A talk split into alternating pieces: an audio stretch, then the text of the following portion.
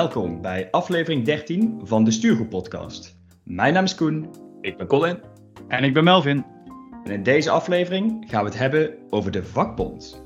Vakbonden, bestaan die nog? Ja, lekker taai onderwerp. Lekker voor ook direct na je vakantie, eh, Colin. We bespreken waarom vakbonden weer in het nieuws zijn. Of een vakbond nog überhaupt van deze tijd is. En wat de implicaties voor jouw eigen contractonderhandeling kunnen zijn. Nou jongens, laten we even een goede laag stof van dit onderwerp afblazen. En dan kunnen we ermee aan de slag.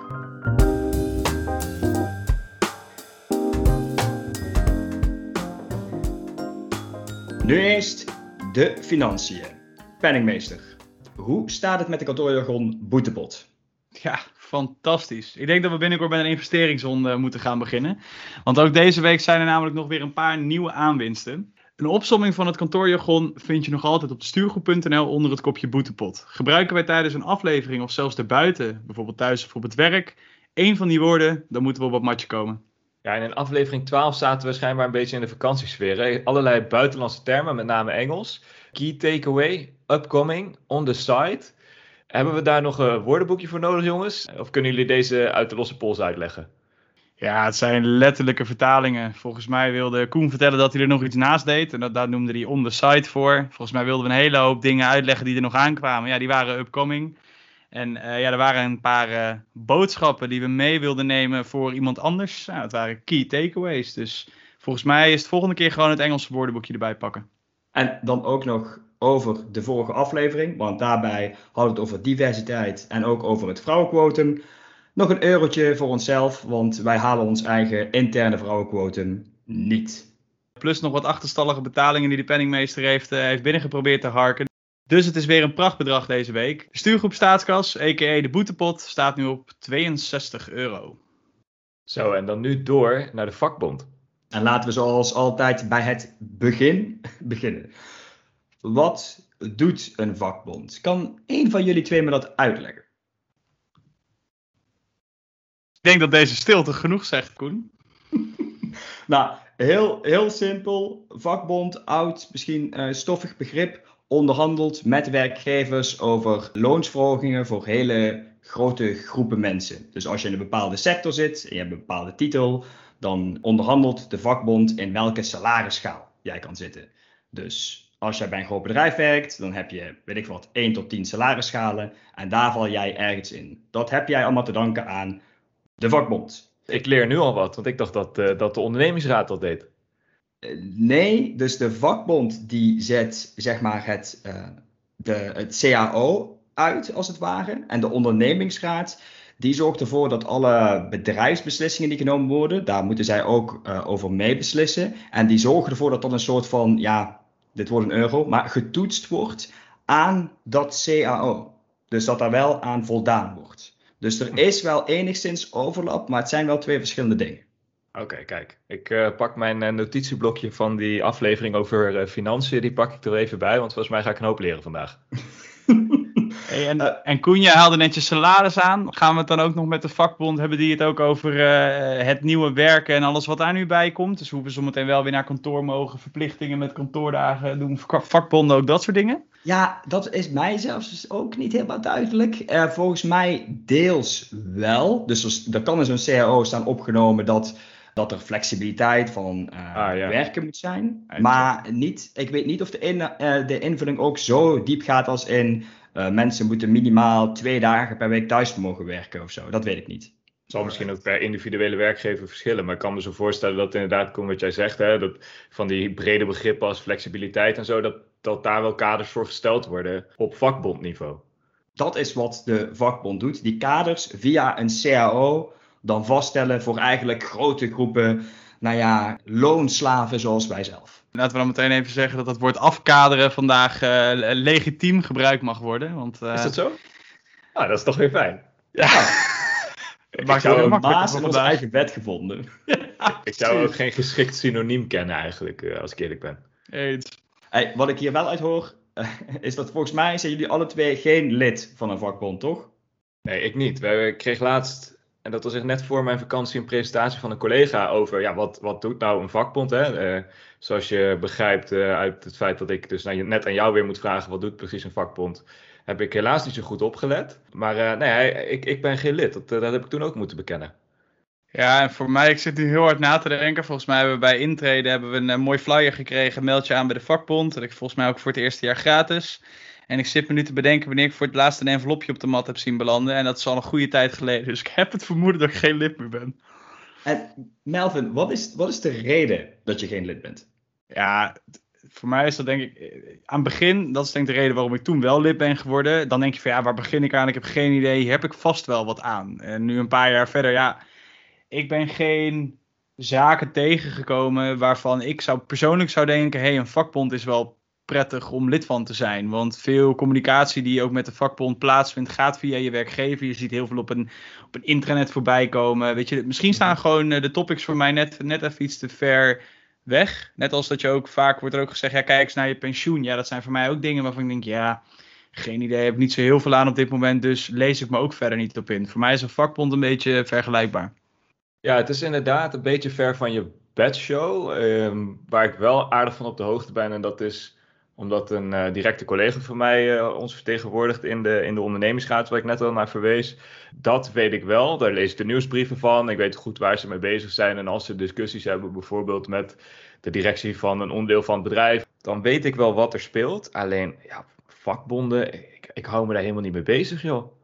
Ja, ik, ik durf nog wel een stap verder te gaan. Dat het misschien helemaal niet meer zo van deze tijd is. Ik denk dat wij ook allemaal wat ja, wat individualistischer zijn. Dus het is meer, ik kan voor mezelf opkomen en in, in die zin wil ik eigenlijk mijn eigen boontjes doppen. Dus dat daardoor ook het nut van een vakbond weg is in het vallen. Ja, of is die vakbond gewoon niet bezig met de dingen waar wij, uh, en dan spreek ik even voor we als jongeren, als starters, is die vakbond gewoon niet bezig met de dingen die, waar, waar, wij, waar wij mee bezig zijn, die wij aan onze kop hebben. Wat dat dan ook mogen zijn. Dan denk ik aan persoonlijke ontwikkeling, weet ik veel, dat soort dingen. Uh, misschien gaat een vakbond daar wel helemaal niet over, of in ieder geval niet expliciet. En denken we daarom van ja, zoals ik net zeg, ver van je bedshow. Ja, of even positief voor onze werkgevers, dat wij eigenlijk niks te klagen hebben in onze organisaties. Dat we niet eens naar een vakbond hoeven om te kijken. Omdat we eigenlijk naar voorwaarden en dergelijke kijken. Ja. En we denken, ja, het zit gewoon best wel oké. Zowel op het coaching, ontwikkeling, trainingsvlak als de primaire arbeidsvoorwaarden. Ja, dat zou ook een reden kunnen zijn. Ja, ja klopt. Uh, ik wil dan wel nog even wel iets van een stelling erin gooien. Inhoudelijk, het akkoord van Wassenaar 1982 is eigenlijk het moment dat de vakbonden hebben ingestemd met loonmatiging. Om, uh, omdat het slecht ging in Nederland. Hele korte samenvatting. Vanaf toen is volgens mij een beetje de macht van de vakbond ook gekrompen. En heb ik het idee dat er meer een soort ja, een, een aandeelhouderscultuur bij grote bedrijven is ontstaan. Dus alles om dat aandeel te laten groeien, zodat de aandeelhouders mhm. tevreden zijn. Is het dan niet juist zinnig dat een vakbond een soort, ja weet ik wat, een tegenhanger is van zo'n aandeelhouderscultuur?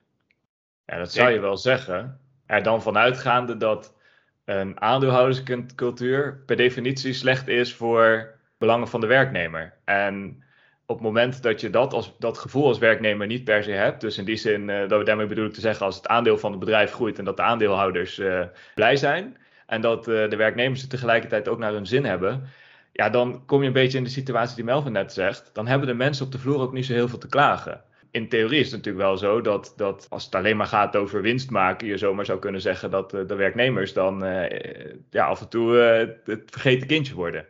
Dan zou de vakbond absoluut het, het perfecte tegengewicht kunnen zijn.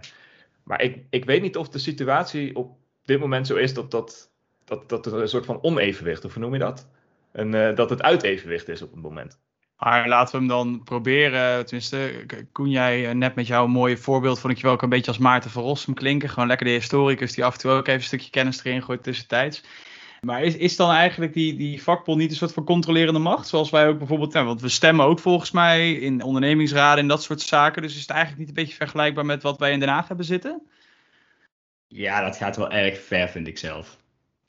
In, die zin is het, zou je het zo wel kunnen zien als een soort afvaardiging die je, die je vertegenwoordigt om dan een CAO te onderhandelen. Maar Nee, echt, echt een uh, vertegenwoordiging? Nee. En, en ik, daarbij wil ik wel ook gezegd hebben, wij zitten natuurlijk alle drie ook in kantoorjungle. En ja, daarin worden grote cao's afgesloten. Maar ik denk dat het een heel ander verhaal is als jij in uh, de zorg zit, als jij bij de politie werkt. Ik denk maar, ook dat daar, dan... maar ook daar heb je hele grote cao's. Dat is het verschil niet. Alleen ik denk dat daar de inhoud van de cao, dat is waar de verschillen in ontstaan. Want in die sectoren heb je ook gewoon een heel grote duidelijke CEO. Ik denk dat de verschillen vooral zitten met de bakker op de hoek en uh, de, uh, de MKB-bedrijven die, die, er, ja, die er zijn op veel plekken in Nederland. Toch? Of, of zie ik dat verkeerd? Ja, ja en nee. Het klopt dat inderdaad voor MKB is het natuurlijk helemaal anders ingericht, omdat, omdat CAO's volgens mij voornamelijk voor de, grote, voor de grote jongens zijn.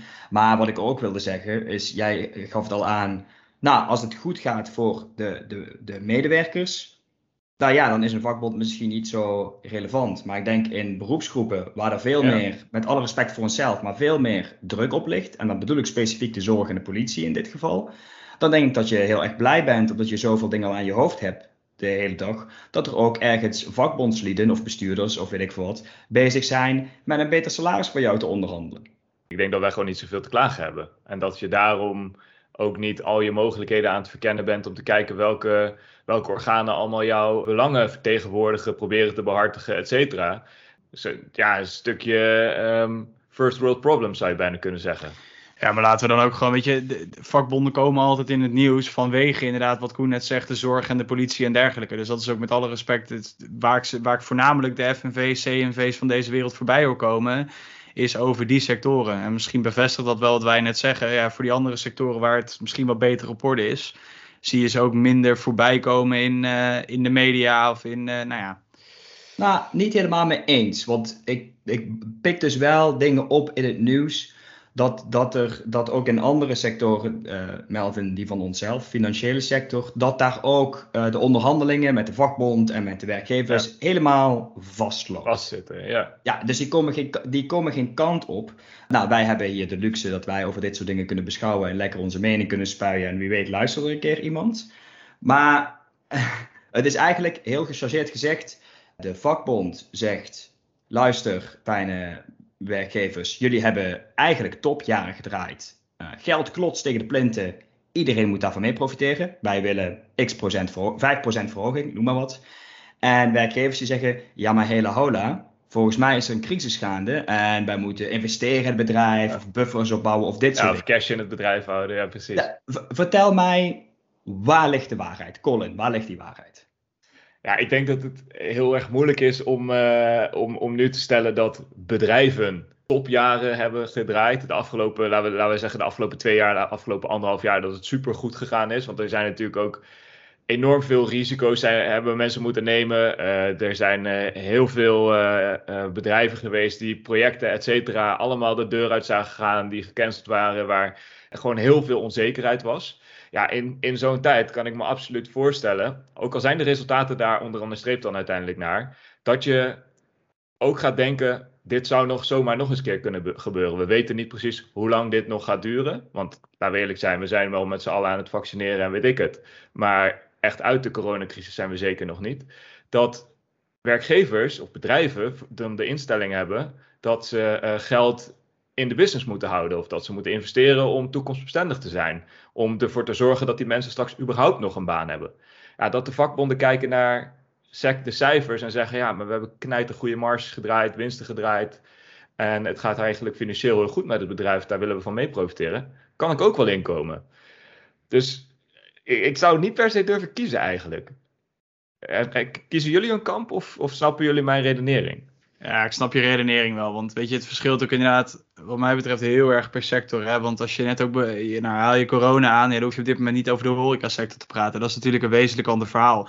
Alleen wat denk ik wel een rode draad is bij ieder bedrijf, is dat de laatste jaren qua ontwikkelingen, we hebben het wel eens vaker gehad over de digitalisering en allemaal van dat soort zaken. Dat zet een bedrijf ook best wel onder druk. Je moet meekomen. De veranderingen gaan best wel op een hoog tempo, voor welke sector dan ook.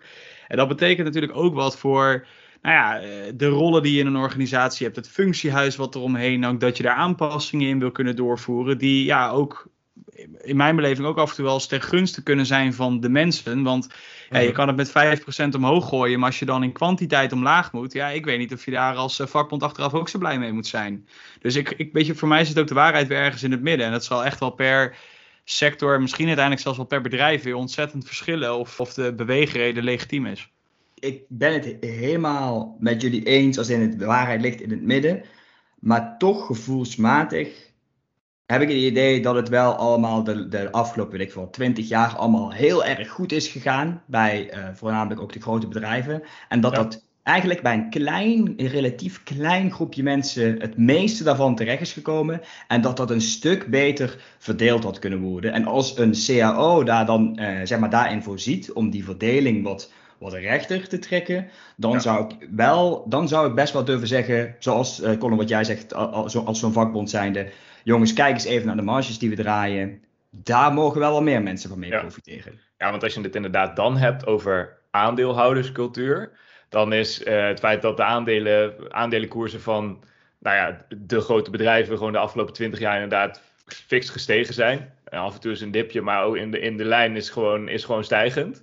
Ja. Ja. daar hebben we natuurlijk best wel scheve verhoudingen, mag ik wel zeggen, gezien als je het dan hebt over wat was, wat was de bijpassende eh, loonsverhoging die daar eh, eh, aangekoppeld was. Dus, Ja. nee, dus dat, dan snap ik zeker dat, dat de aandeelhouderscultuur wel het, wel het overwicht heeft gehad.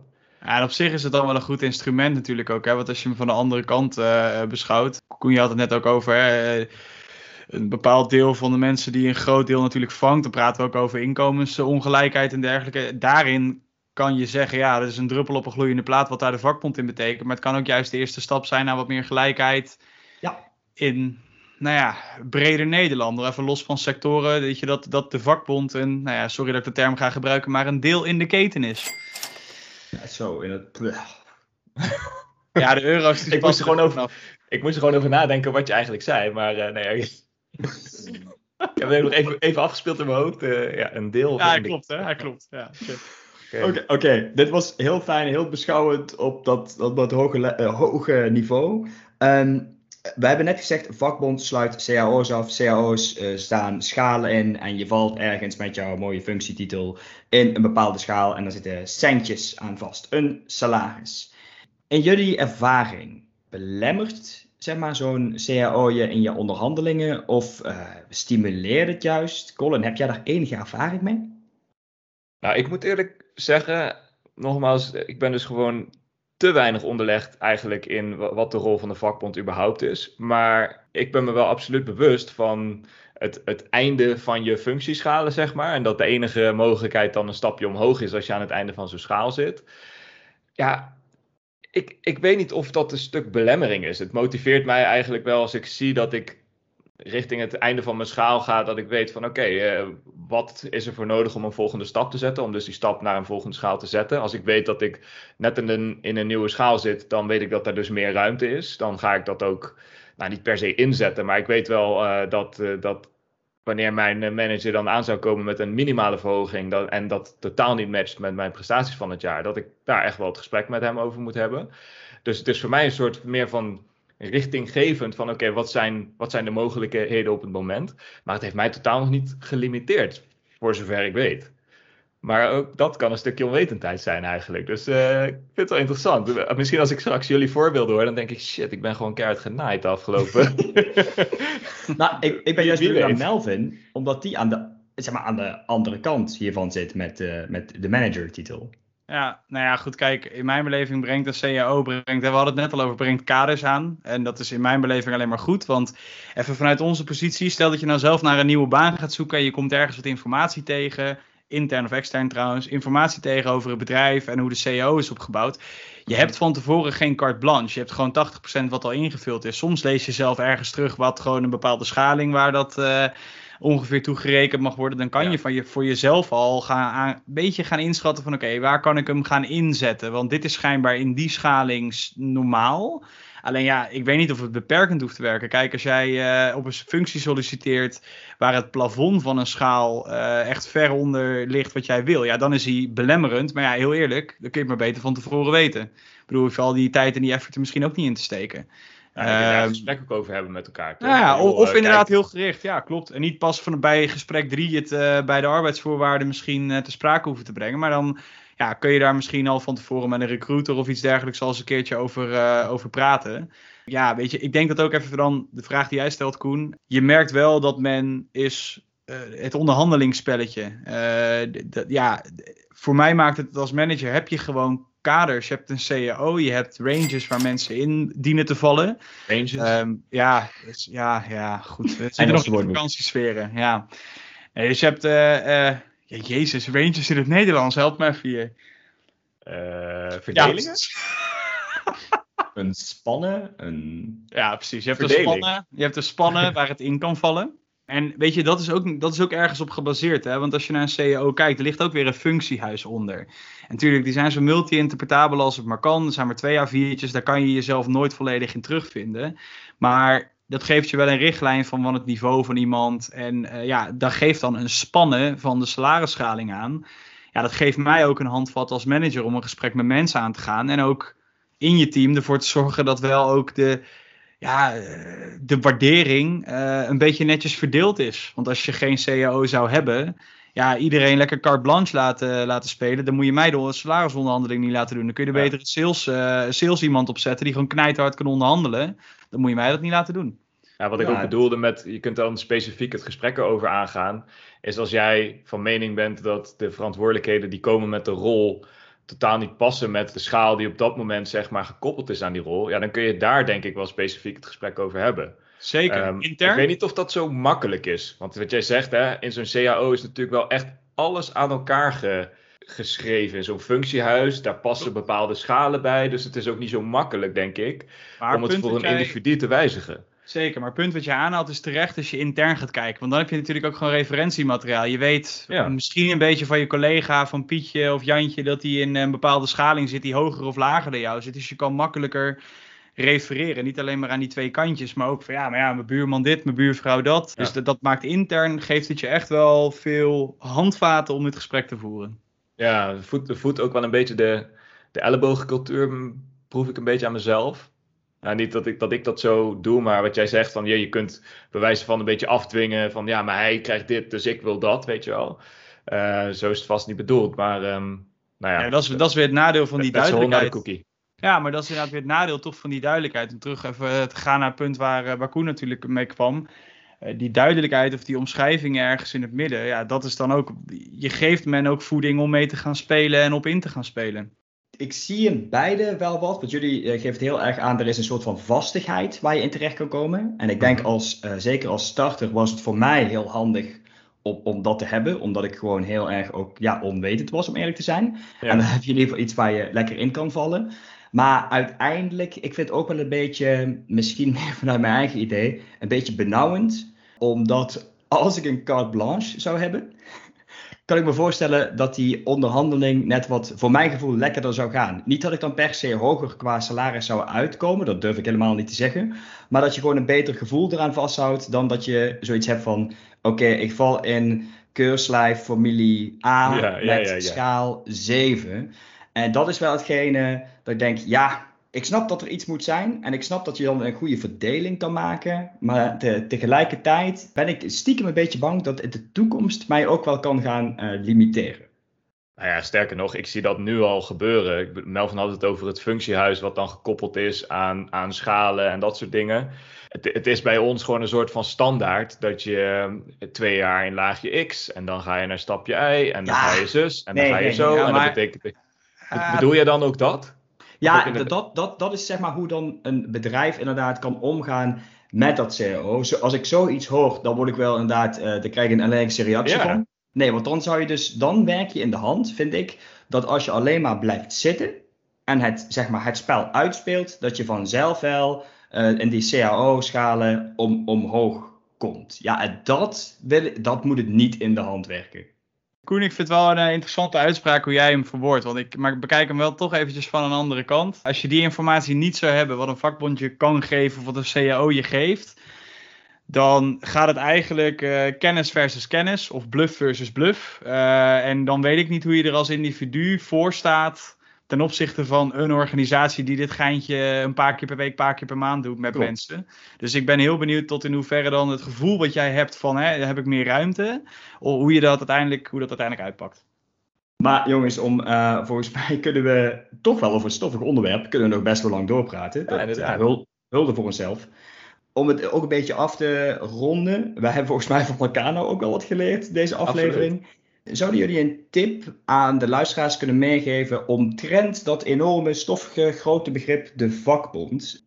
Ja, we hebben het nu hier over best wel veel over, eigenlijk over arbeidsvoorwaarden, primaire arbeidsvoorwaarden gehad. Ik denk dat het ook wel eens goed is om bij een vakbond aan te kloppen of in een CAO te kijken hoe het met je secundaire arbeidsvoorwaarden zit. Want daar zit vaak meer dan dat je weet, waar, waar je ook wel eens verrast door kan worden. Dus dat zou zeker een tip zijn die ik zou meegeven. Fietsplannen, sportabonnementen, allemaal dingen die onbenut blijven als je er niet in verdiept. De, de, de, ja, precies. De perks die, eh, waar je eigenlijk helemaal geen, geen weet van hebt. Die niet Maar eens vrij is- hoeft te spelen, hè? die zitten er gewoon in. Exact. Dit zou mijn tip ook zijn, dus in het verlengde van die van jou Melvin, is überhaupt als jij binnen een bedrijf werkt of bij een bedrijf gaat solliciteren, maakt niet zoveel uit, dat je ze even googelt met de naam van het bedrijf, spatie CAO. Gewoon om eens even te kijken wat er überhaupt allemaal is en hoe dat dan in zijn werk gaat voor jou. Want dan krijgen we ook dat, wa- waar wij het net eigenlijk over hadden, werkt het in je voordeel of in je nadeel? Nou, dat kun je dan voor jezelf bepalen of voor jezelf zo inzetten. De, gemiddelde, de gemiddelde Jup gebruikt hier gemiddeld glassdoor.com eh, voor tegenwoordig, toch? Ja, dat is wel waar, maar ik ben de digibate van het gezelschap, dus eh, ik, ik lees vakbondsdocumenten. Check, helemaal goed. Koen googelt nu naar Glassdoor. maar goed. ja, mijn tip. eh, ik, ik ben nu voor de tweede keer in een hele korte tijd geconfronteerd met het feit dat ik eigenlijk helemaal niet zo goed weet wat een vakbond doet. En laat staan wat een vakbond voor mij zou kunnen betekenen. Dus ik zou wel iedereen op het hart willen drukken van joh, verdiep je nou gewoon eens in welke partijen in die kantoorjungle ja, zi- zich allemaal opwerpen voor, voor ja, het, het behartigen van jouw belangen. Kun je er altijd bewust voor kiezen om daar vervolgens niks mee te doen. Maar in ieder geval het voor mezelf. Doe ik op dit moment niks met een vakbond, omdat ik eigenlijk helemaal niet zo goed weet wat ze nou doen of zouden kunnen doen. En daar schaam ik me wel een beetje voor. Dus dat gaan we, daar gaan we voor zorgen dat, dat in ieder geval ik en ik hoop ook andere mensen dat anders gaan doen. Ja, dat was hem wel. Kijk, meteen een actiepunt eraan. En en noteer jij die? ik, ik noteer hem. Ik zorg, erop, ik zorg ervoor dat ik je eh, iedere week eh, blijf eraan herinneren hoe het ermee staat.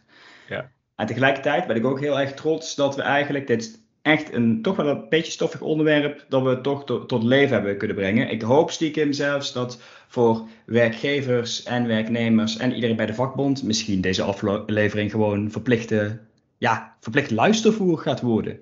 Voor, voor nu, Colin, zou jij hem willen afronden? Absoluut. Vond je dit nou een toffe aflevering? Vergeet de Stuurgroep podcast dan niet te volgen op Spotify. Wij zijn echt een collectief van Digibeten, want het is ons nog steeds niet gelukt om de podcast op Apple Podcast te krijgen. Maar dat blijkt een bug te zijn, dus no blame on us. Wij blijven naast deze podcast natuurlijk twee keer per week artikelen posten op onze website www.destuurgroep.nl en ook op de socials op Instagram en LinkedIn. Dat is gewoon heel simpel, de Stuurgroep of de Stuurgroep op LinkedIn. Allerlei berichten posten om jullie op de hoogte te houden van wat er speelt in de kantoorjungle. Voor nu zou ik zeggen bedankt voor het luisteren en tot volgende week.